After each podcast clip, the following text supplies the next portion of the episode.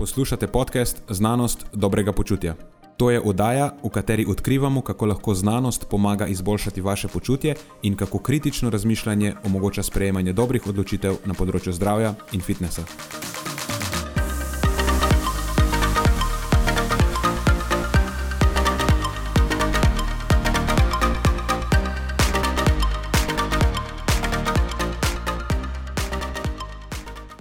Pozdravljeni, z vami smo Nenad in moj sovoditelj Marijo. V tokratni epizodi sva se pogovarjala o dejanski urednosti vključevanja probiotikov in fermentiranih živil v prehrano, o tem, kako alarmantna oziroma prenapihnjena je bila nedavna afera z odpoklicom živil zaradi ugotovljene kontaminacije s prepovedanim etilenoksidom. V glavnem delu pa so se spraševala o smiselnosti namigovanja določenih kulturnikov, da je šport pri nas precenjen in da kultura na račun pretirane popularnosti športa nekako trpi. Proti koncu pa so predstavila nekaj predlogov za popularizacijo kulture in znanosti pri nas, ter poskušala uspodbuditi pristop ne jamranja, temveč dejanskega reševanja problemov. Preden začnemo, pa se moram zahvaliti še našim sponzorjem. Zaenkrat to še vedno ni velika korporacija, temveč zvesti poslušalci, ki nam izkazujete zaupanje in podporo s prijavo v našo člansko skupino Znanost dobrega počutja. Hvala vsem, ki s tem držite luči prižgane in omogočate podkastu, da raste in postaja še bolj kakovosten. Hvala tudi vsem, ki nas podpirate s pozitivnimi komentarji in visokimi ocenami, ter s tem, da priporočate podcast svojim znancem in prijateljem. Zdaj pa je končno čas za začetek epizode. Uživajte ob poslušanju.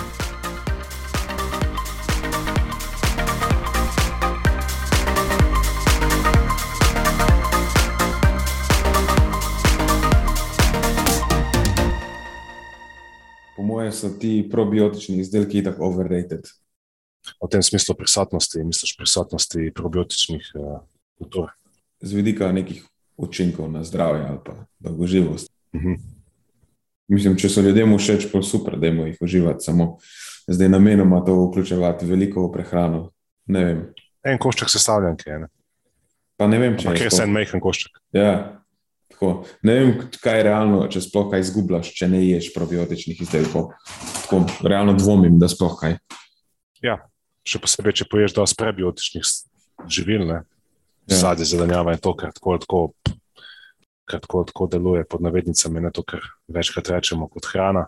Pa... Mislim, da je ta pač sledi temu trendu ukvarjanja z mikrobioto, ki je zdaj the bees knees, ali kako rečejo. Ja, Nova ja. popularna stvar, nov prehranski trend. Se zadnjič me je Maja vprašala, kaj so prehranski trendi. Pozabil sem, kaj sem že rekel. Vem, da sem omenil te alternative meso, to je bil ena, pa žuželke, pa funkcionalna živila. A si zigar, da, da so žuželke trend že, ali še le bojo? Prihajajoči trendi. Prihajajoči trendi. Ja. Ja, kjer so prihajajoči trendi? Ker obstoječi definitivno še niso, so pa probiotiki. So pa probiotiki definitivno eden. Ja. Tako da mogoče sem to pozabil povedati.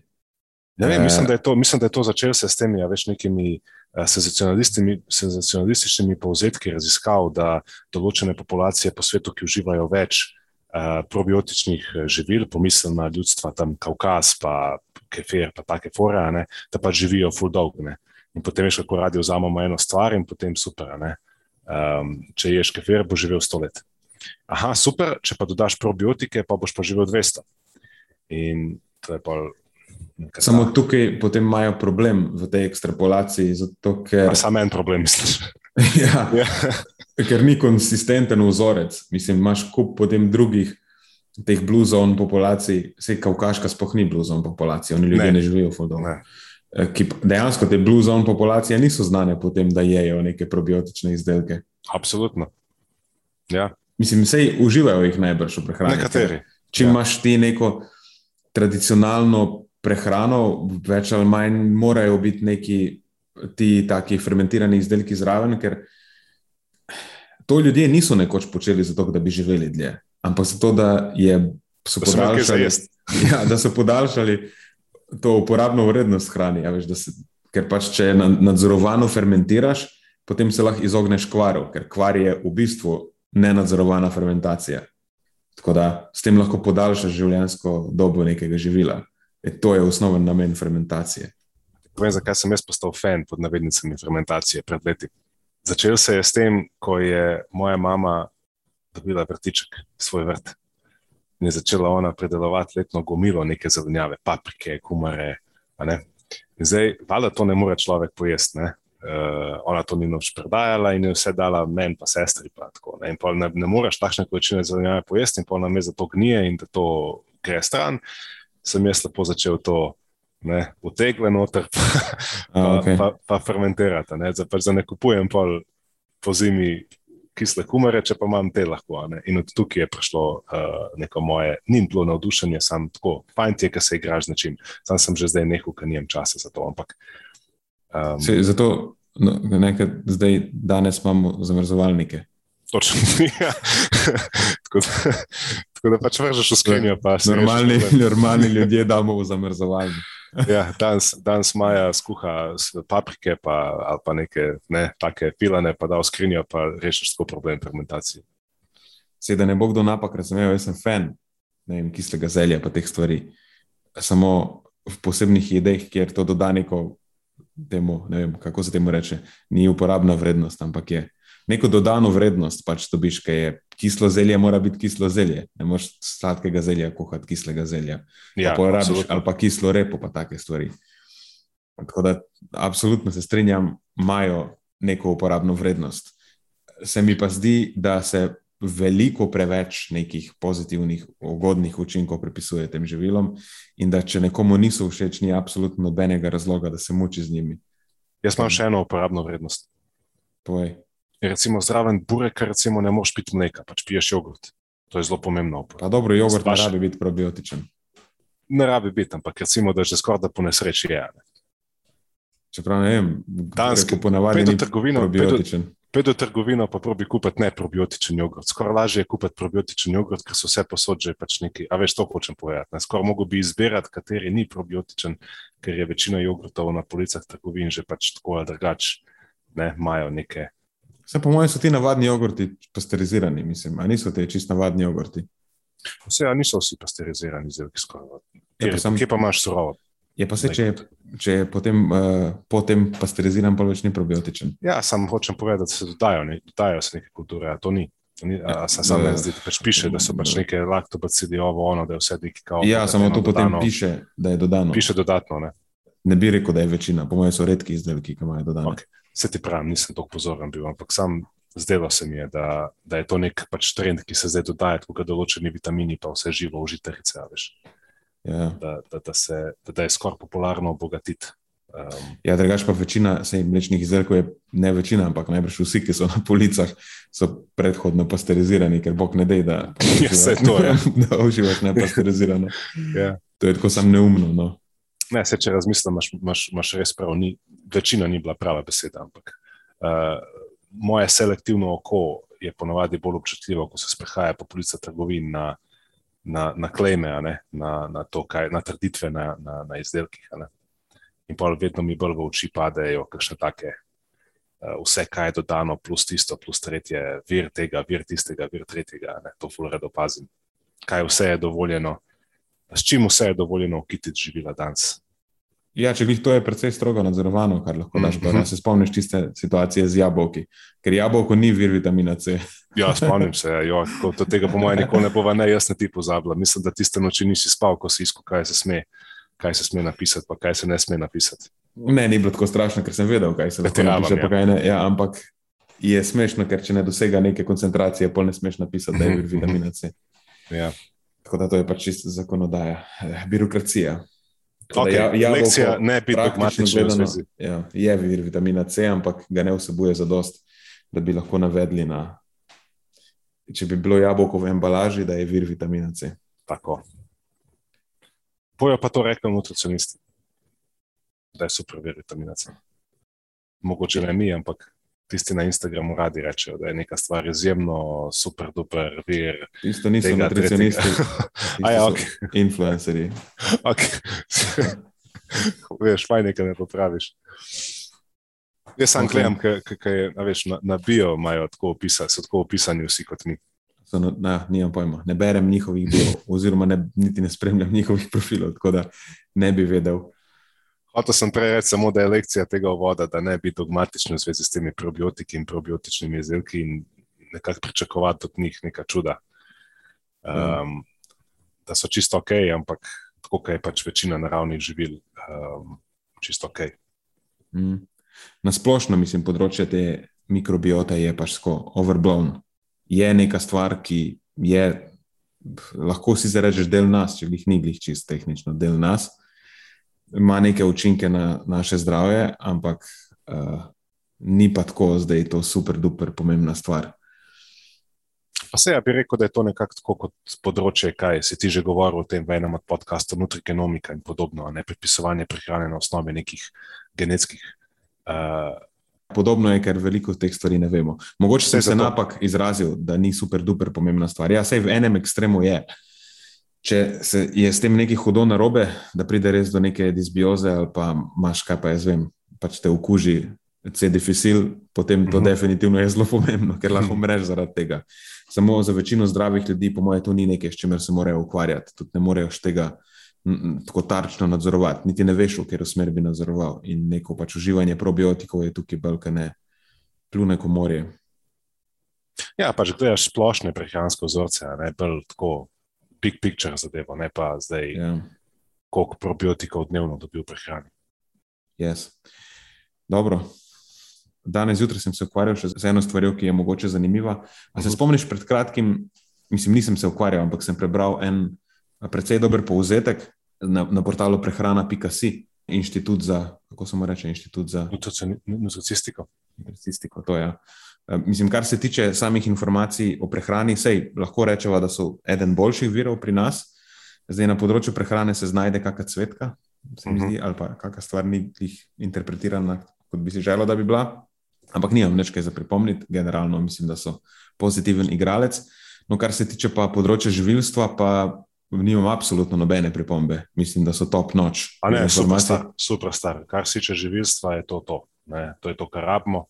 Predvsem mi je všeč, kako stvari znajo postaviti v nek kontekst, to, kar mogoče nekaj, kar si hotel jim učitati na področju prehrane. Kdaj, Ma, nisem jih hotel učitati, ampak tako sem jih izpostavil. Ja, ja mislim, to je neka malenkost. Nisem sploh hotel biti negativen. Ne, se opozarja na kakšne stvari, ki si ne zaslužijo takšne izpostave, in se spredela kakšno drugo stvar, ki je mogoče v tej šliki bolj pomembna. In potem ne, je, je to nekaj, kar nas kdaj pa kdaj mm. zmoti. Ampak, En primer, recimo, če navržemo, da bo čisto praktično, da se ljudje lahko predstavljajo, ja. je bilo tisto ukvarjanje z sladkorjem v polisalami, kje so skriti no. sladkorje. Ne?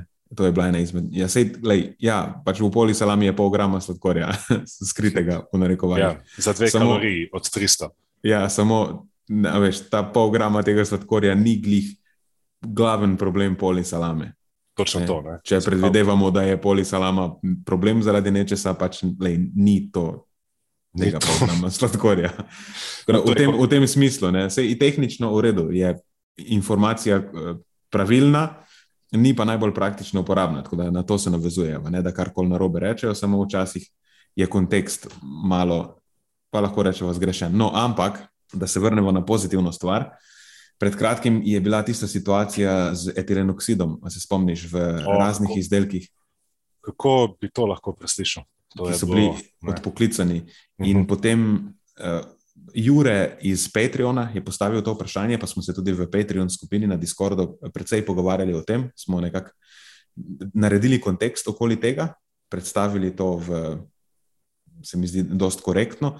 In zanimivo, da tudi ta članek, ki so ga napisali na prehrana.si, dejansko zaključuje isto, samo oni so še malo bolj podrobno razdelali to uh, situacijo. In ljudi je skrbelo, lahko rečemo, da je upravičeno, ker se je o tem poročalo na način, kot o to je pa zdaj pol užitnih stvari iz naših trgovin moramo odpoklicati.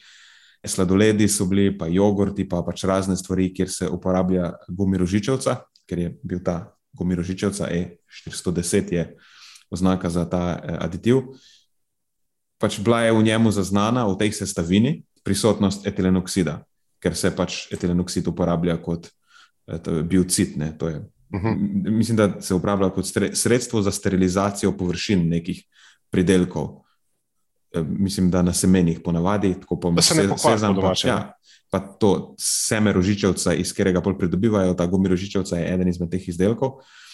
Eh, Stvar sicer ni dovoljena za uporabo v Evropski uniji, ampak ker so te sestavine sorsane iz drugih držav, potem včasih tam lahko to uporabljajo in pač pride do kontaminacije. Je pa zanimivo, da ta situacija, ki se je zgodila, čeprav je bila prezentirana ali pa je dajala vtis v javnosti, da je to nekaj zelo alarmantnega, v bistvu priča o tem, kako zelo stroge omejitve imamo v Evropski uniji na tem področju, ker je dovoljena prisotnost tega v živilih praktično nič. V sadovih. Ne? Ja, živilo ni dovoljeno za prodajo, čim lahko z nekimi analitskimi metodami, ki jih imamo trenutno na voljo, se lahko etilen oksid zazna v živilo. Na, se mislim, da se ne sme prodajati, sploh, sem skoraj siguren. Pa tudi, v bistvu nimamo nekih dokazov, da je uživanje etilenoksida v tako nizkih koncentracijah kakorkoli škodljivo, ali pa da ima to nek relevanten, ne, ne, neugoden učinek. Ker mislim, da je večina toksikoloških raziskav, ki ugotavljajo pol neke, rečemo hujše učinke, je eh, z vdihavanjem, pač preko tega, da vdihaš etilenoksid, ne da ga zaužiješ, ker je pač absorpcija skozi prebavila bolj selektivna, kot če nekaj vdihavaš. Ne, zato tudi določene stvari vdihavamo. Predvsem so to eh, psihoaktivne snovi. Še dobro, da se reko vdihavamo, ne vdihavajo. To je zelo, zelo pomemben, pomemben trenutek tega podcasta, samo pozarjam. Ja, čeprav tehnično, kot zanimivost, tudi neke stvari skozi sluznico grejo, recimo nikotin. Zato potem tudi lahko šprejemo. Ampak dobro, zdaj smo že zašla. Na- No, nauk zgodbe je, da ja, predlagam, da če koga bolj podrobno zanima ta situacija z etilenoksidom ali pa ga skrbi, potem bo pomirjen, če prebere članek na prehrana.si o tej temi. Mislim, da zelo dobro zadevo razdelajo. Ampak če se komu eh, dejansko ne da tega brati, pa bi rad TLDR, ne, eh, Too Long Didn't Read verzijo, potem v bistvu vse, kar vsebuje več kot nič etilenoksida, je pri nas prepovedano in to kljub temu, da ni dokazov za neko posebno skrb zaradi uživanja nižjih koncentracij etilenoksida v hrani. A, In tudi eh, te koncentracije, ki so bile zaznane v živilih, ni razloga za skrb, ker tudi če bi najbrž uživali to nekaj časa, se ne bi zgodilo nič, sploh pa to niso koncentracije, ki bi imele neke, eh, recimo, akutne učinke, ne, da bi potrošniki zaradi tega kazali klinične znake zastrupitve, ne vem, potem, ko si pojede v lučko. Mene je v zvezi s tem brka ne samo zaskrbel ta, to subtilno potaknjeno sporočilo, da se ta aditiv ne, se v bistvu dodaja v uh, sladoled, v nekatera predelana živila. Ne. Mhm. In so potem nekateri uh, natural food uh, promotorji ne, uporabili ta celoten dogodek um, kot retorično sredstvo prikazati, da je junk hrana, samo strupena hrana, škodljiva, lejte, a vidite, to je vse strup, ne jesti pač tega. Ne. Mhm. Um, in to mi je bilo tako zelo, to me je, to me je zmotilo. No. Zmotilo me je, ker se je celotno skupino nekih živil uh, želelo prikazati, obla- oblatiti zaradi nečesa, kar je bilo res izuzeto izven konteksta. Samo to ni res, ker se ne dodaja ta stvar Ja, ja, živila, ker je prepovedana. Po drugi strani pa tudi v naravnih, naravnih hashtag, sej, to sem vedel, se bio izdelkih se zna- znajdejo stvari, ki so še bolj škodljive, recimo kakšni mikotoksini.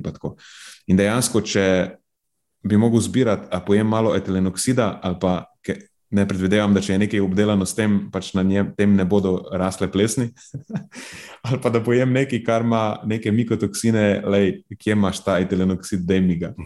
Ja, saj sem vedel, sem, da s tem, ko bom to rekel, te bom napeljal na to, uh, na to zmoto ne, v sklepanju. In, uh, ja, točno to je težava v tem, ko se predstavi, ko se predstavi te informacije. Ko, so, ko je prišlo to ven, je bilo kot najbolj pomembna prime time novica v poročilih, na naslovnici. Uh, uh, ne. In to, če prebereš, recimo tako, kot ljudje danes stvari berejo, malo bolj površno, dobiš tis, da je veš, to vse škodljivo, stopeno in to je zaključek, ki si ga ljudje naredijo. In to je, ne, zato sem toliko bolj hvaležen, da evo, izpostavil si primer dobre prakse, kako se ta stvar razoroži, kot so to naredili pri prehrana.si.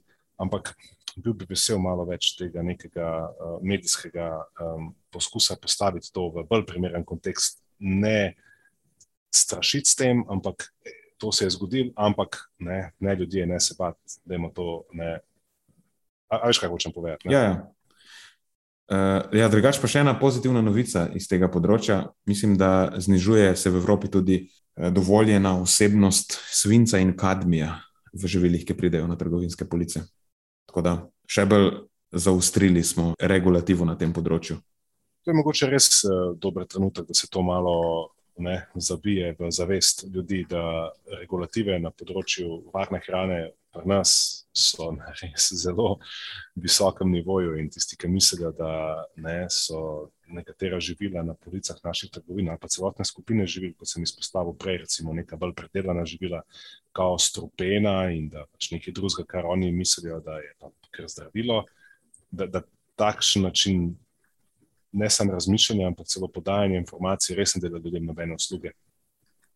Ja se pa dejansko bojiš neke stvari pojesti, neke stvari um, izbrati uh, v trgovini, in ne vem, komu to koristi, da v ljudi vcepiš strah.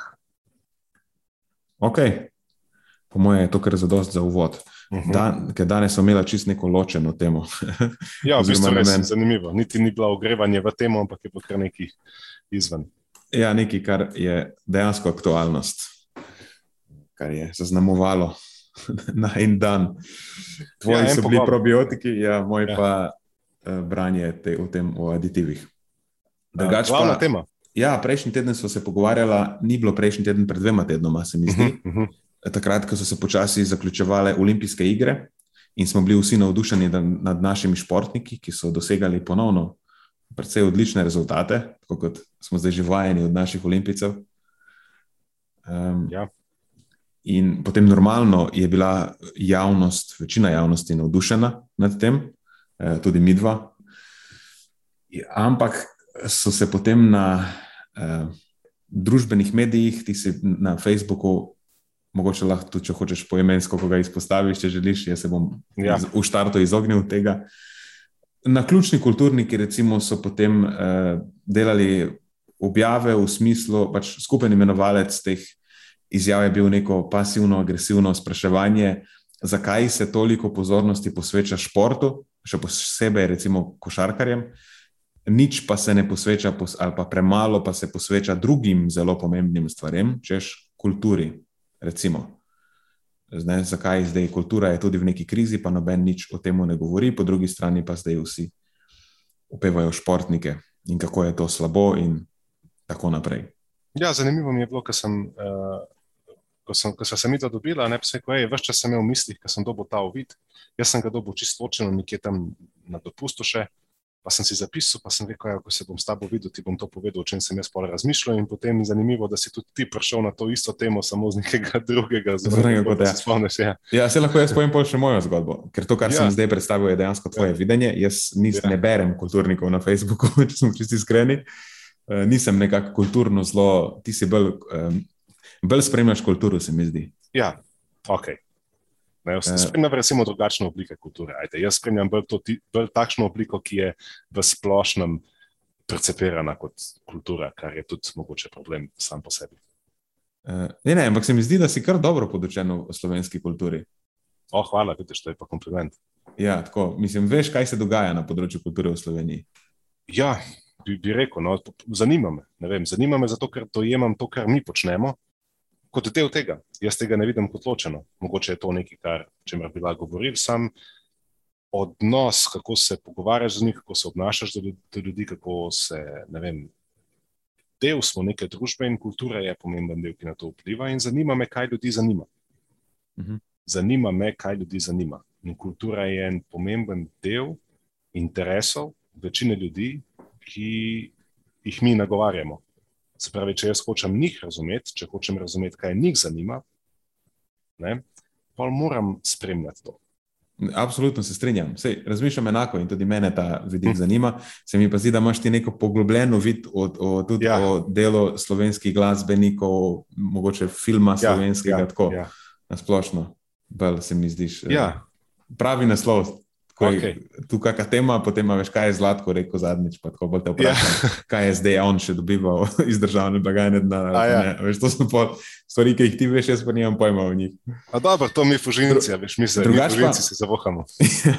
drugače pa, evo, če smo že pri tej temi, pred kratkim je eh, moj prijatelj Jan Kok igral v tem filmu, uh mhm. -huh. kratek film je 91, se mu reče, ob 30-letnici Eh, Slovenije so v bistvu posneli ta film, ki nekako govori o, o zgodbi dveh modelov, eh, pa v tem celem vzdušju, ki je takrat vladalo, ko se je država osamosvajala. Tako aha, aha, okay. komičen, kratki film je. Ja, se lahko reče, da je komedija ali pa družbena kritika, ali pa tako malo so. Ne vem, zelo zanimivo. Jaz predlagam ljudem, da pogledajo. Meni je bil zelo všeč. No, to pa bom. Vidiš, nisem še prišel, ni še prišel na vrsto. Torej tudi v kulturi lahko kaj povem. Ja, vidiš, to je to pa nekaj, kar Jana, Jana poznaš. Jana poznaš ne, in ja, ja. potem, ne, uh, že samo iz tega naslova si, si to pogledal, ker te zanima. Ja, si drugače ne bi vedel. Ja. Je tvoj prijatelj. Uh, ja, tako da vidiš tukaj, to še pride na vrsto. Mm. V, v glavnem, jaz sem prišel na to, na to temo, o čemer bomo govorili danes uh, na dopustu, ko sem seveda tudi jaz spremljal uh, olimpijske igre z velikim zanimanjem sem spremljal vse športe, različne športe, kar sem pač uspel dobiti na stream. Um, po mojem, sem prekoračil svojo kvoto prenosa podatkov za, za, za, za, za kar precej, uh, ampak mi ni žal. Bistvo je bilo to, da se je o športu v tistem obdobju res veliko govorilo. Dejstvo. Ne?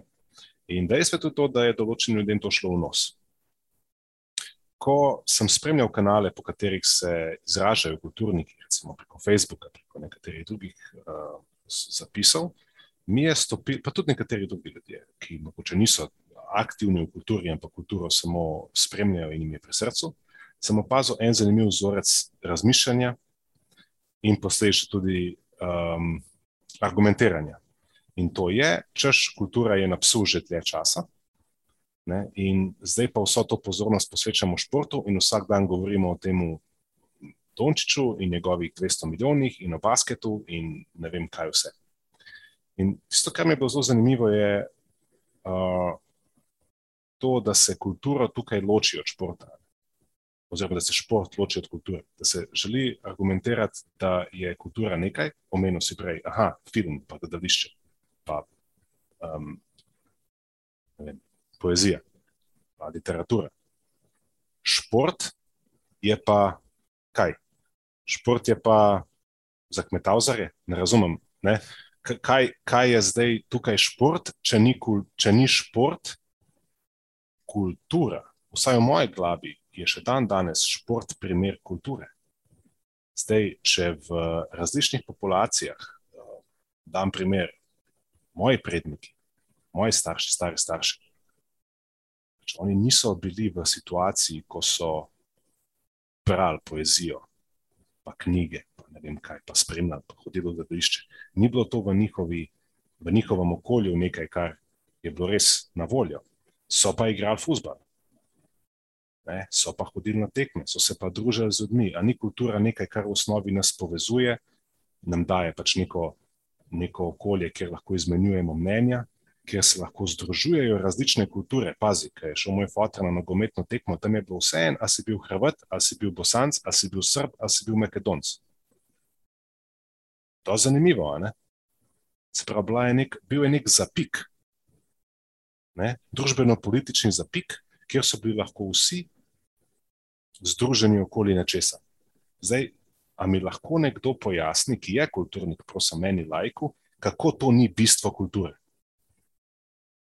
Kako to ni bistvo kulturnega ustvarjanja, da pač nekako bridges the gap, če lahko uporabim to angliško, izrazoslovje um, med različnimi načini razmišljanja, med različnimi etičnimi in drugimi delitvami in predstavi neko bistvo človeka uh, in ne združuje. Stvar definicije je, da lahko kulturo omejiš na podpodročja, pa rečeš, da so ja. film, glasba in ja, tako ja. naprej.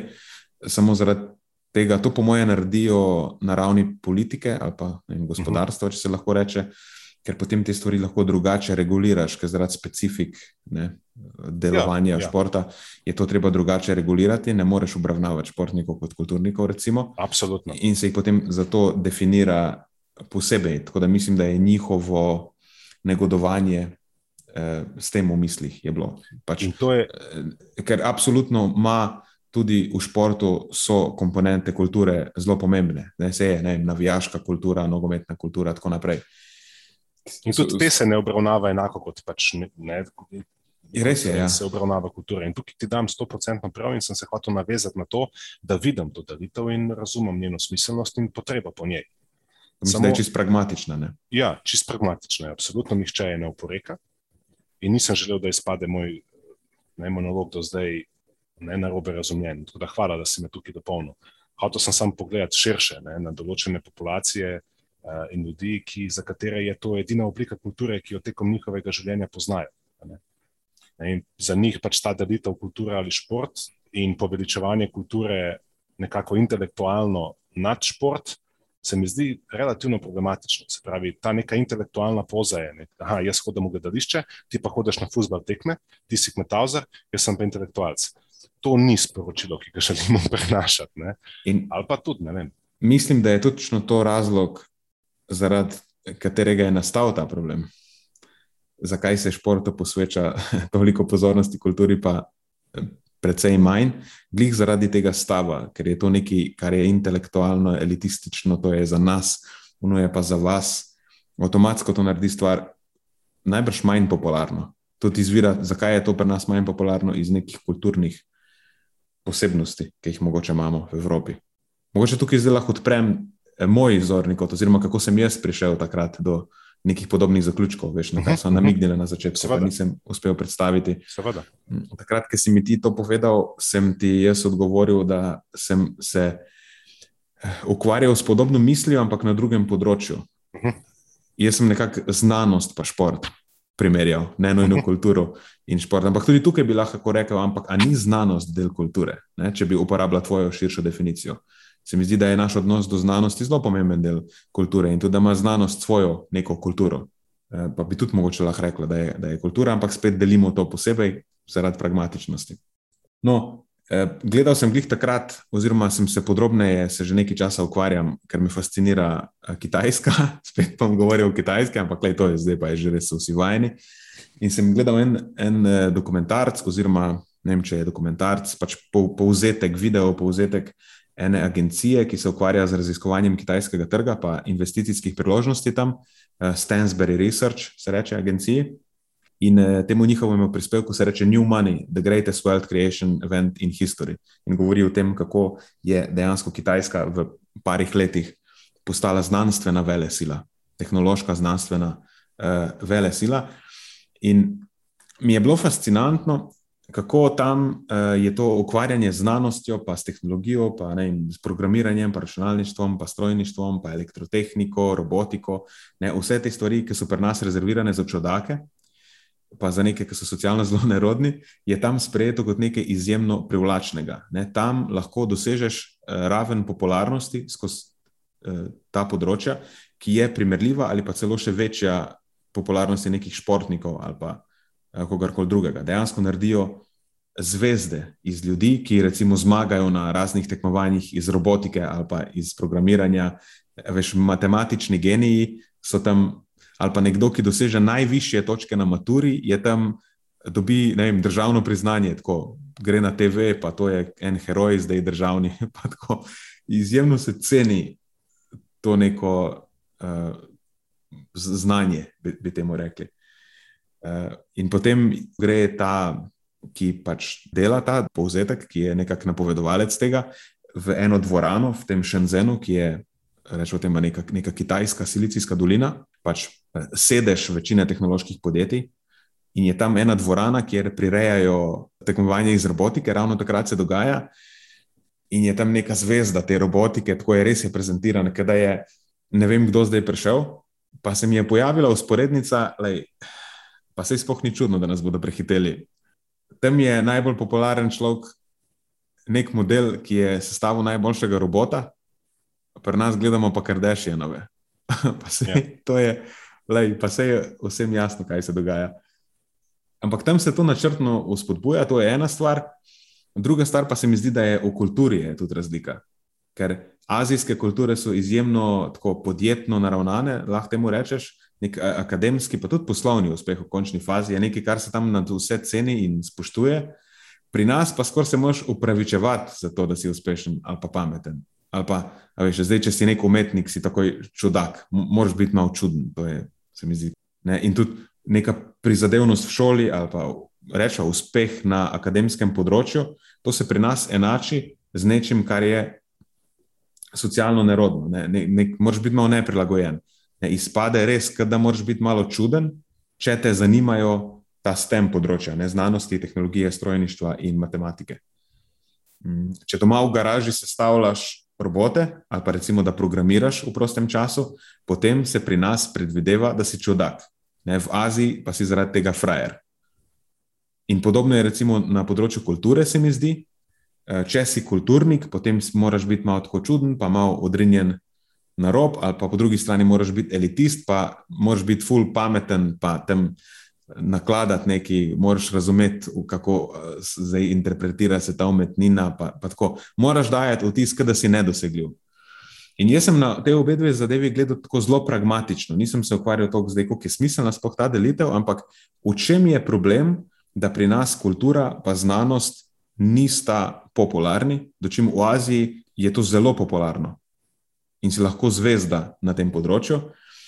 In moj zaključek je bil ta, da tam se obnašajo, do, vsaj do znanosti, ker za kulturo nisem zihar, kot do športa. To je nekaj, kar je popularno, kar je za ljudi, kar lahko vsi sodelujejo, kar je lahko zabavno, ne, ni nekaj, kar je tako rezervirano za ozek krog ljudi. In mislim, da s tem točno s tem se pri nas streljamo v koleno, ker se to predvideva, da to je pa nekaj, kar je za zelo omejen krok ljudi. Vi pa zdaj, ali morate biti ful pametni, ali morate biti ful, ne vem, intelektualno razviti drugače, da lahko razumete, kaj je zdaj nek pisatelj hotel povedati s to eh, poezijo, ali pa kaj je zdaj točno je na tej sliki, pa se bomo malo prepirali, ampak prepirava se lahko tem sami dva, ki so ful pametna, pa podučena, pa ki so študirala na akademiji, ti seljak pa pejt tam gledat, na futbol tekmo. gledati futbol tekmo. Ja. No, to je, ta, to je ta poza, o kateri sem govoril. Jaz sem prišel do tega zaključka, šta je umetnik te o time, da kaže, sam po drugi poti. Ti si prišel, pa, pa ne, to je pri nama vedno zanimivo. Da na koncu ti si zdaj predstavil svoj zaključek, jaz ga prej nisem uspel, ampak je popolnoma podoben uh, tvojemu.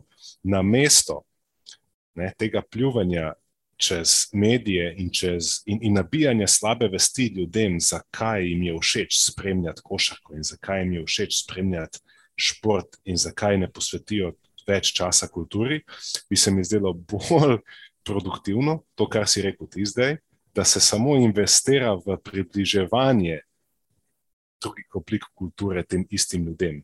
Ne da se prezentira iz svoje mogoče lastne potrebe po ekscentričnosti, po uh, ne, neki intelektualnosti to više, še posebej više, in pač nagovarjati ljudi iz neke pozicije superiornosti, ampak da se jim ne približa gledališče, eventi, da se približa. Um, ne, zato so mi všeč neke popularne. Popularna literarna dela, ko ne grejo v mainstream, pa ljudi, ki nikoli ne bi brali knjige, prepričajo, da preberejo ne vem, nekaj od Goloba, uh, nekaj, ne, od, ne vem, nekaj časa nazaj, da tista odpronje žaka, popularna, ne roman, pa kaj že bil tiste belo satire na 90. To ni reklama. Sam pravim, da to so še taka literarna dela, ki so mehki koraki, mehke zmage. Ljudje, ki nikoli niso brali, so zato, ker se je o nekih knjigah ful govorili, pa ko so bile predstavljene kot nekaj lahkotnega, vsakdanjega, nekaj, s čimer se lahko poistovetijo, so se odločili to prebrati, a nikoli ne bi brali. In to je ključna beseda, se poistovetijo. Z basketom se lahko enostavno poistovetiš. Vsak je v življenju prejel žogo za basket, pa je vrgel na koš. S futbolom se je še lažje poistovetiti, ne? ker to je pač res globalno ne? jezik, skoraj da jeziki. Ne? Zdaj, z nekim kulturnim delom, z dališkim delom, z neko sliko ne? nekega slikarja, kako se bo zdaj nekdo s tem. Ne? Se pravi, tukaj jaz vidim kot izziv. Dajmo, če smo v kulturi, potem poiskati načine, kako to ljudem približati. Ne pa, uh, ne, ni se mi zdela fajn poza, no, da se je začelo čez šport, ki je dobil takrat pozornost pljuvati, ker Pa sem zelo naklonjen kulturi, kar si sam izpostavil, zelo redo spremljam, pa se mi ni zdelo, da si s tem delajo neko uslugo.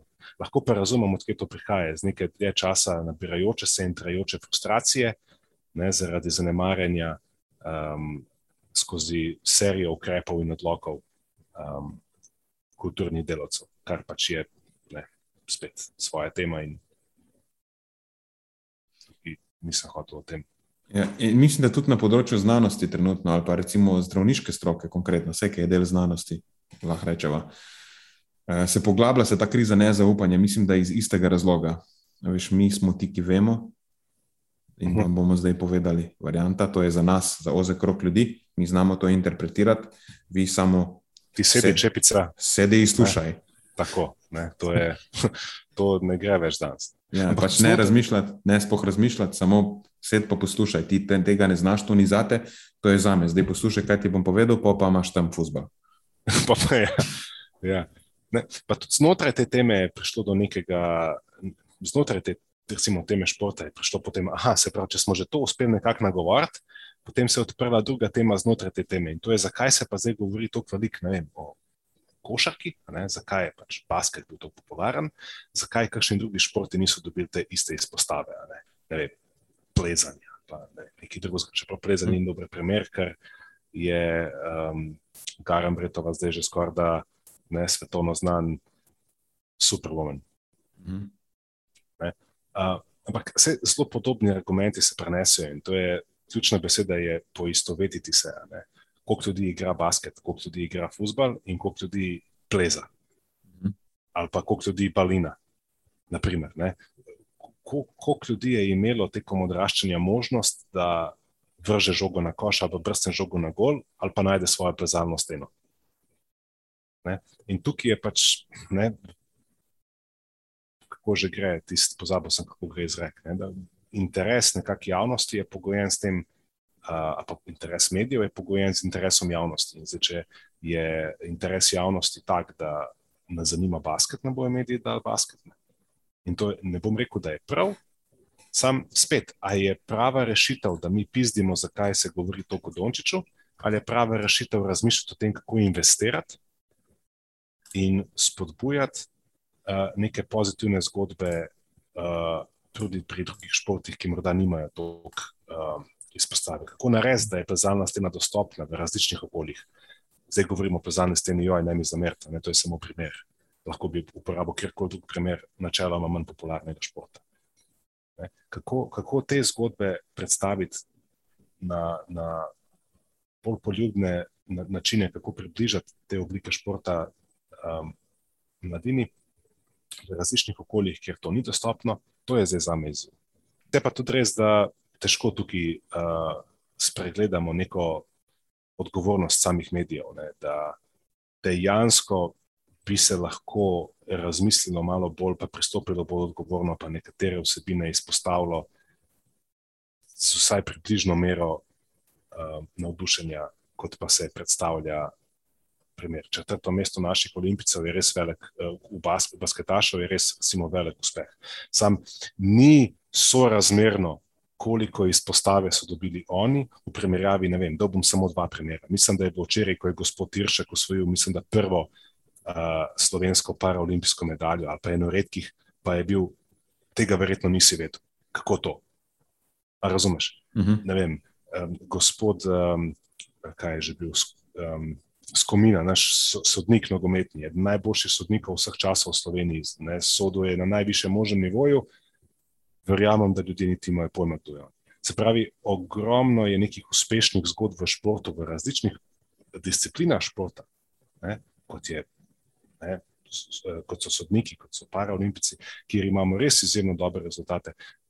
Pa ne pravim, da se mora zdaj o tem govoriti ne, vsak dan, pa opevati, ampak sam, da se izpostavi malo bolj vidno, kot pa da se to pomete pod nek ne, omemba v zadnji 43 minuti poročil, ker že tako, tako noben ne teda več. Se pravi, tukaj mislim, da bi lahko to.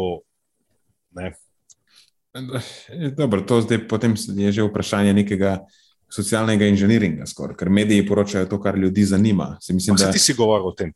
O tem ja, mislim, da, da naloga mora biti. V, v, ja, v, samo mislim, da mora biti domača naloga upravljena na osnovnem nivoju. Ne, ne moreš zdaj sanirati posledic tega, da manjkajo temelji.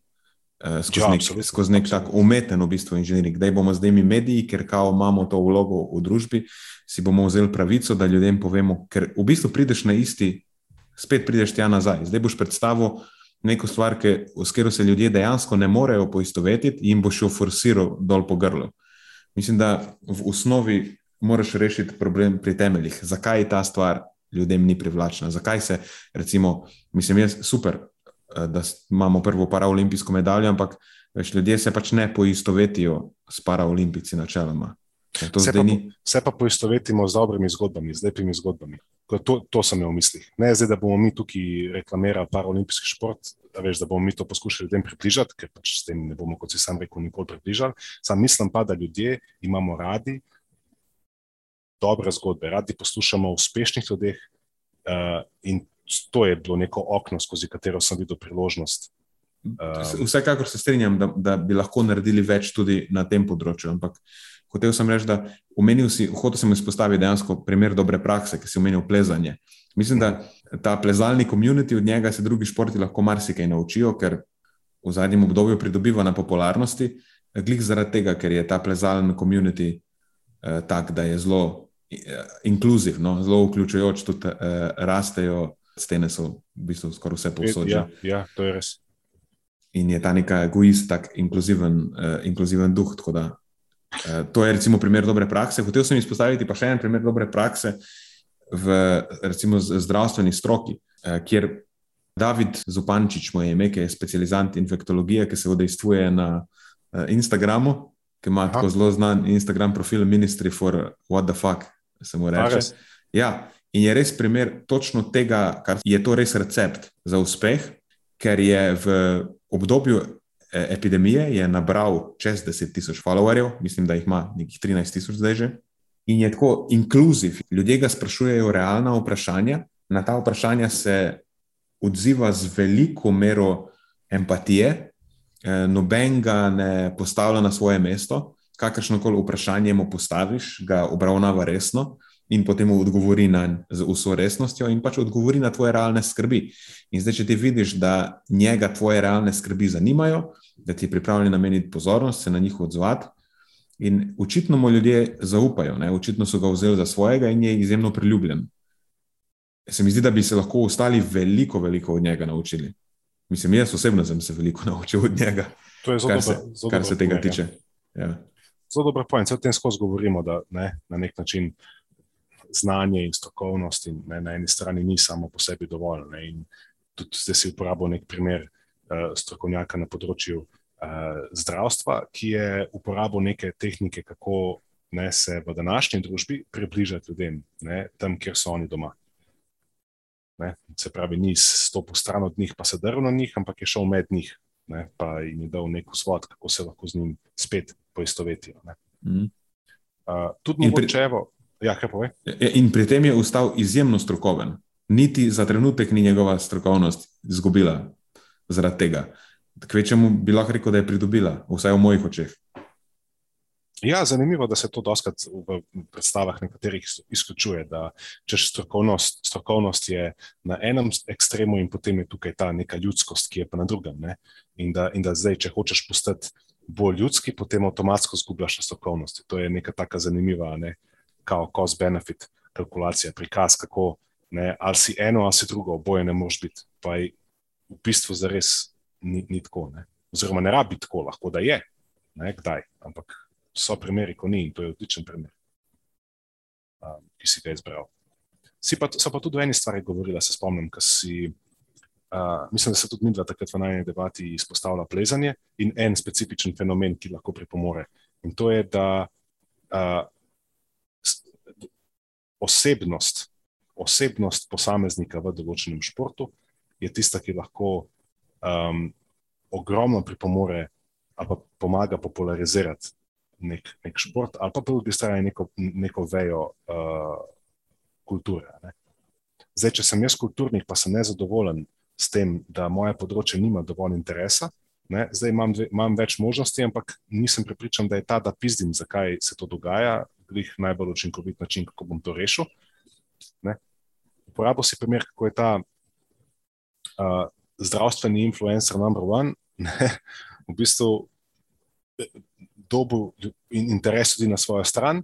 Ne. Zdaj vidim, kako bi lahko tukaj tudi nekdo drug na področju, ne vem, recimo, da je pesnik, recimo, da je gledališki umetnik, recimo, da je glasbenik, da, da, da isto skozi način komuniciranja z javnostjo ne, dobi, um, dobi pač te točke, ne, dobi ljudi na svojo stran, začne graditi interes okoli sebe, okoli svojega načina razmišljanja o določenih stvareh, o, skozi svojo umetnost. Um, ne vem, kaj misliš o tem? Absolutno se strinjam. Se, to je bil tudi moj pojem takrat, pa vmes sem ja. že hotel to povedati, pa sem pozabil tam s tistim plezanjem. Ker kar želiš, je pritegniti, moraš množico, ker hočeš, nočeš, ljudje smo eh, take živali, da nas privlači množica in poistovetimo se s stvarmi, ki jih počnemo. In večja množica ljudi počne eno stvar, ne več se jih poistoveti s tem, avtomatsko imaš neko, neko silo, nek pul, ki vleče še večjo količino ljudi, a veš tam vidijo, ok, to je očitno nekaj, kar je zanimivo, to je potem signal še ostalim, ki jih mogoče ta stvar ne zanima.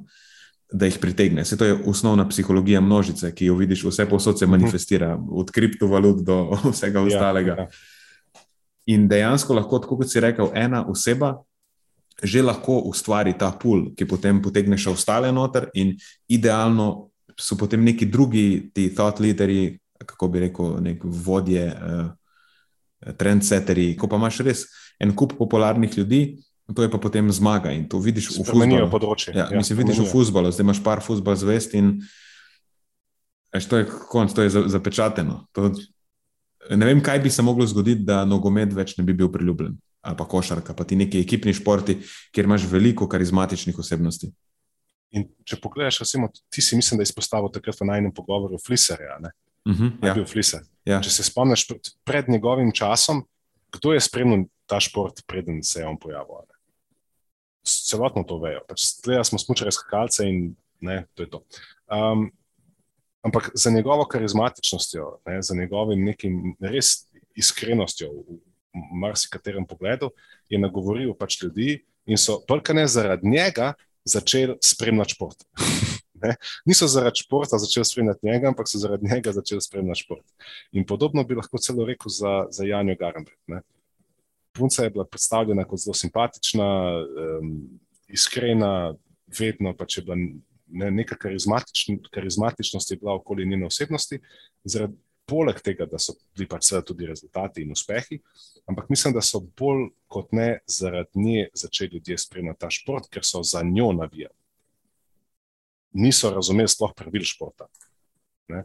In podobno bi lahko rekel za Dončiča. Okoli njega je bila ustvarjena pač neka ne, The Wonder Kid, ne, čarobni deček in kako že. Ja, tukaj pač pa ta medijska eksponiranost lahko pomaga, ampak v osnovi rabiš nekoga, ki ima potencial, da je karizmatična, privlačna osebnost, nek, ne, ima nek ta magnetizem. In to je nekaj, kar mislim, da se. Zdaj to bo kar hipoteza. Bo, mislim, da se to da zgraditi. Mislim tudi, da če nisi karizmatična oseba po naravi, ker eni so. Absolutno, eni, so, eni ne rabijo nič delati na tem, avtomatsko so karizmatični, ne rabijo razmišljati o tem, ne rabijo trenirati nekih veščin, samo da se pojavijo v javnosti, so karizmatični.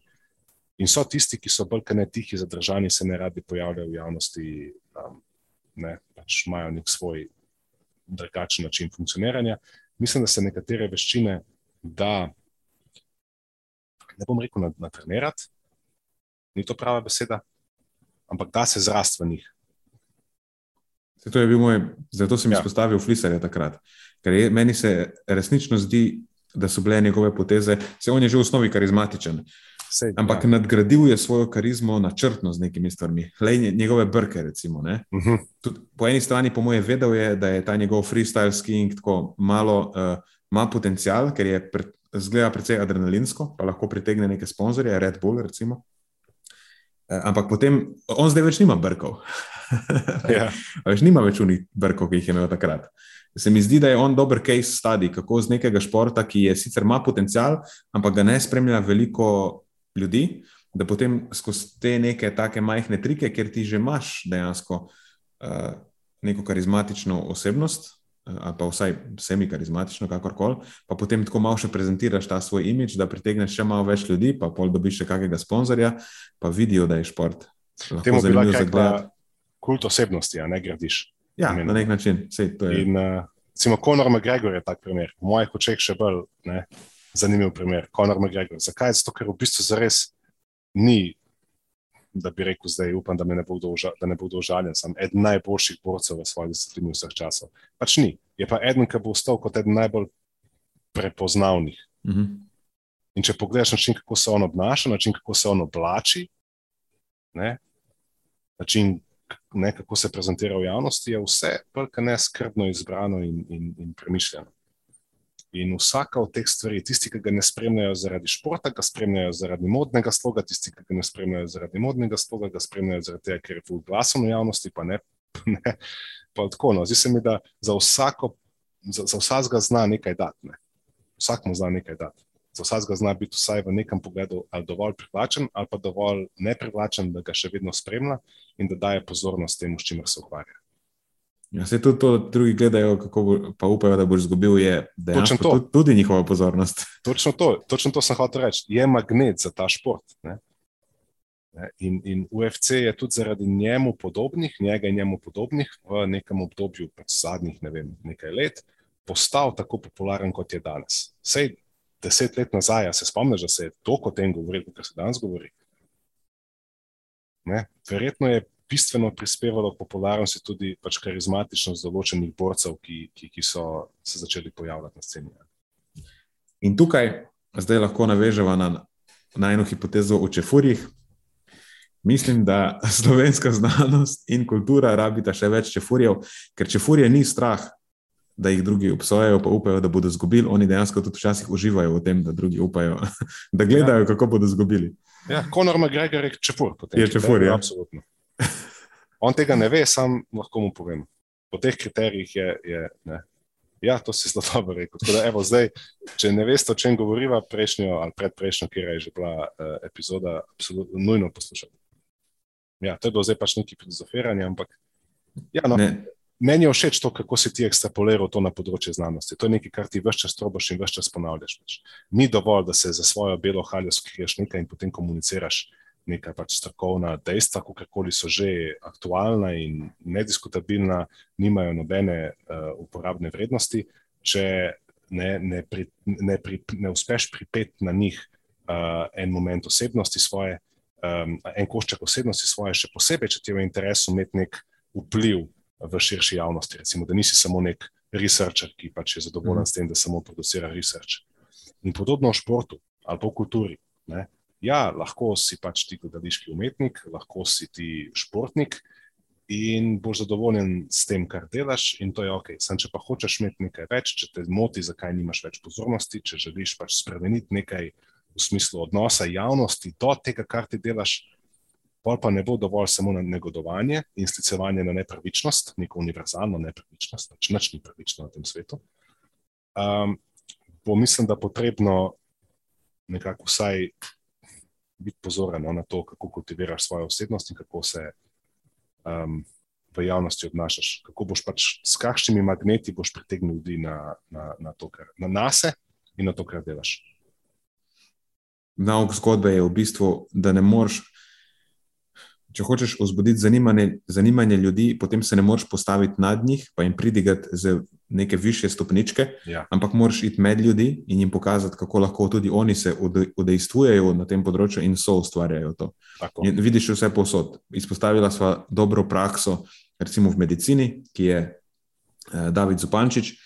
In mislim, da tudi če pogledaš na področje kulture, so tista področja kulture najbolj zanimiva, kjer grejo ti ljudje. Kljub temu, da neke zvezde delujejo precej odročno, še zmeraj se mi zdi, da um, ljudje nekako imajo občutek, da so dosegljivi. Pa tudi ne, se tudi tukaj se mogoče motim, ampak Poanta je, da so oblike kulture, ki so ljudem privlačne, se mi zdi, da so tiste oblike, ki so namenjene množici, pa ki jih množica dojema, da so za njih, da so lahko soudeleženi, eh, popularne, dočim une, ki so rezervirane za peščico, pač lej, niso popularne. Sej, to je de definicija tega, da je nekaj rezervirano za peščico. Ja, žal. res. Zdaj si izbral to. V... En zanimiv avtor. Ja, sej. mislim, da je to dobra prilika za to, da zaključiva še tudi v nekem kulturnem časovnem okvirju. Te bom z veseljem vprašal čez, čez čas, kakšen je bil feedback na to epizodo. Ok, pričakujemo feedback. To je za tokrat vse iz naše strani. Hvala, ker ste poslušali do konca. Delite epizodo s svojimi znanci in prijatelji in jo priporočajte dalje, saj s tem omogočite, da sporočilo znanost dobrega počutja doseže čim večjo množico. Hvala vsem, ki nas podpirate s članarino in tudi vsem ostalim, ki delite podcast dalje in nam izkazujete naklonjenost z visokimi ocenami in pozitivnimi komentarji. Se slišimo prihodnjič, do takrat pa ostanite premišljeni.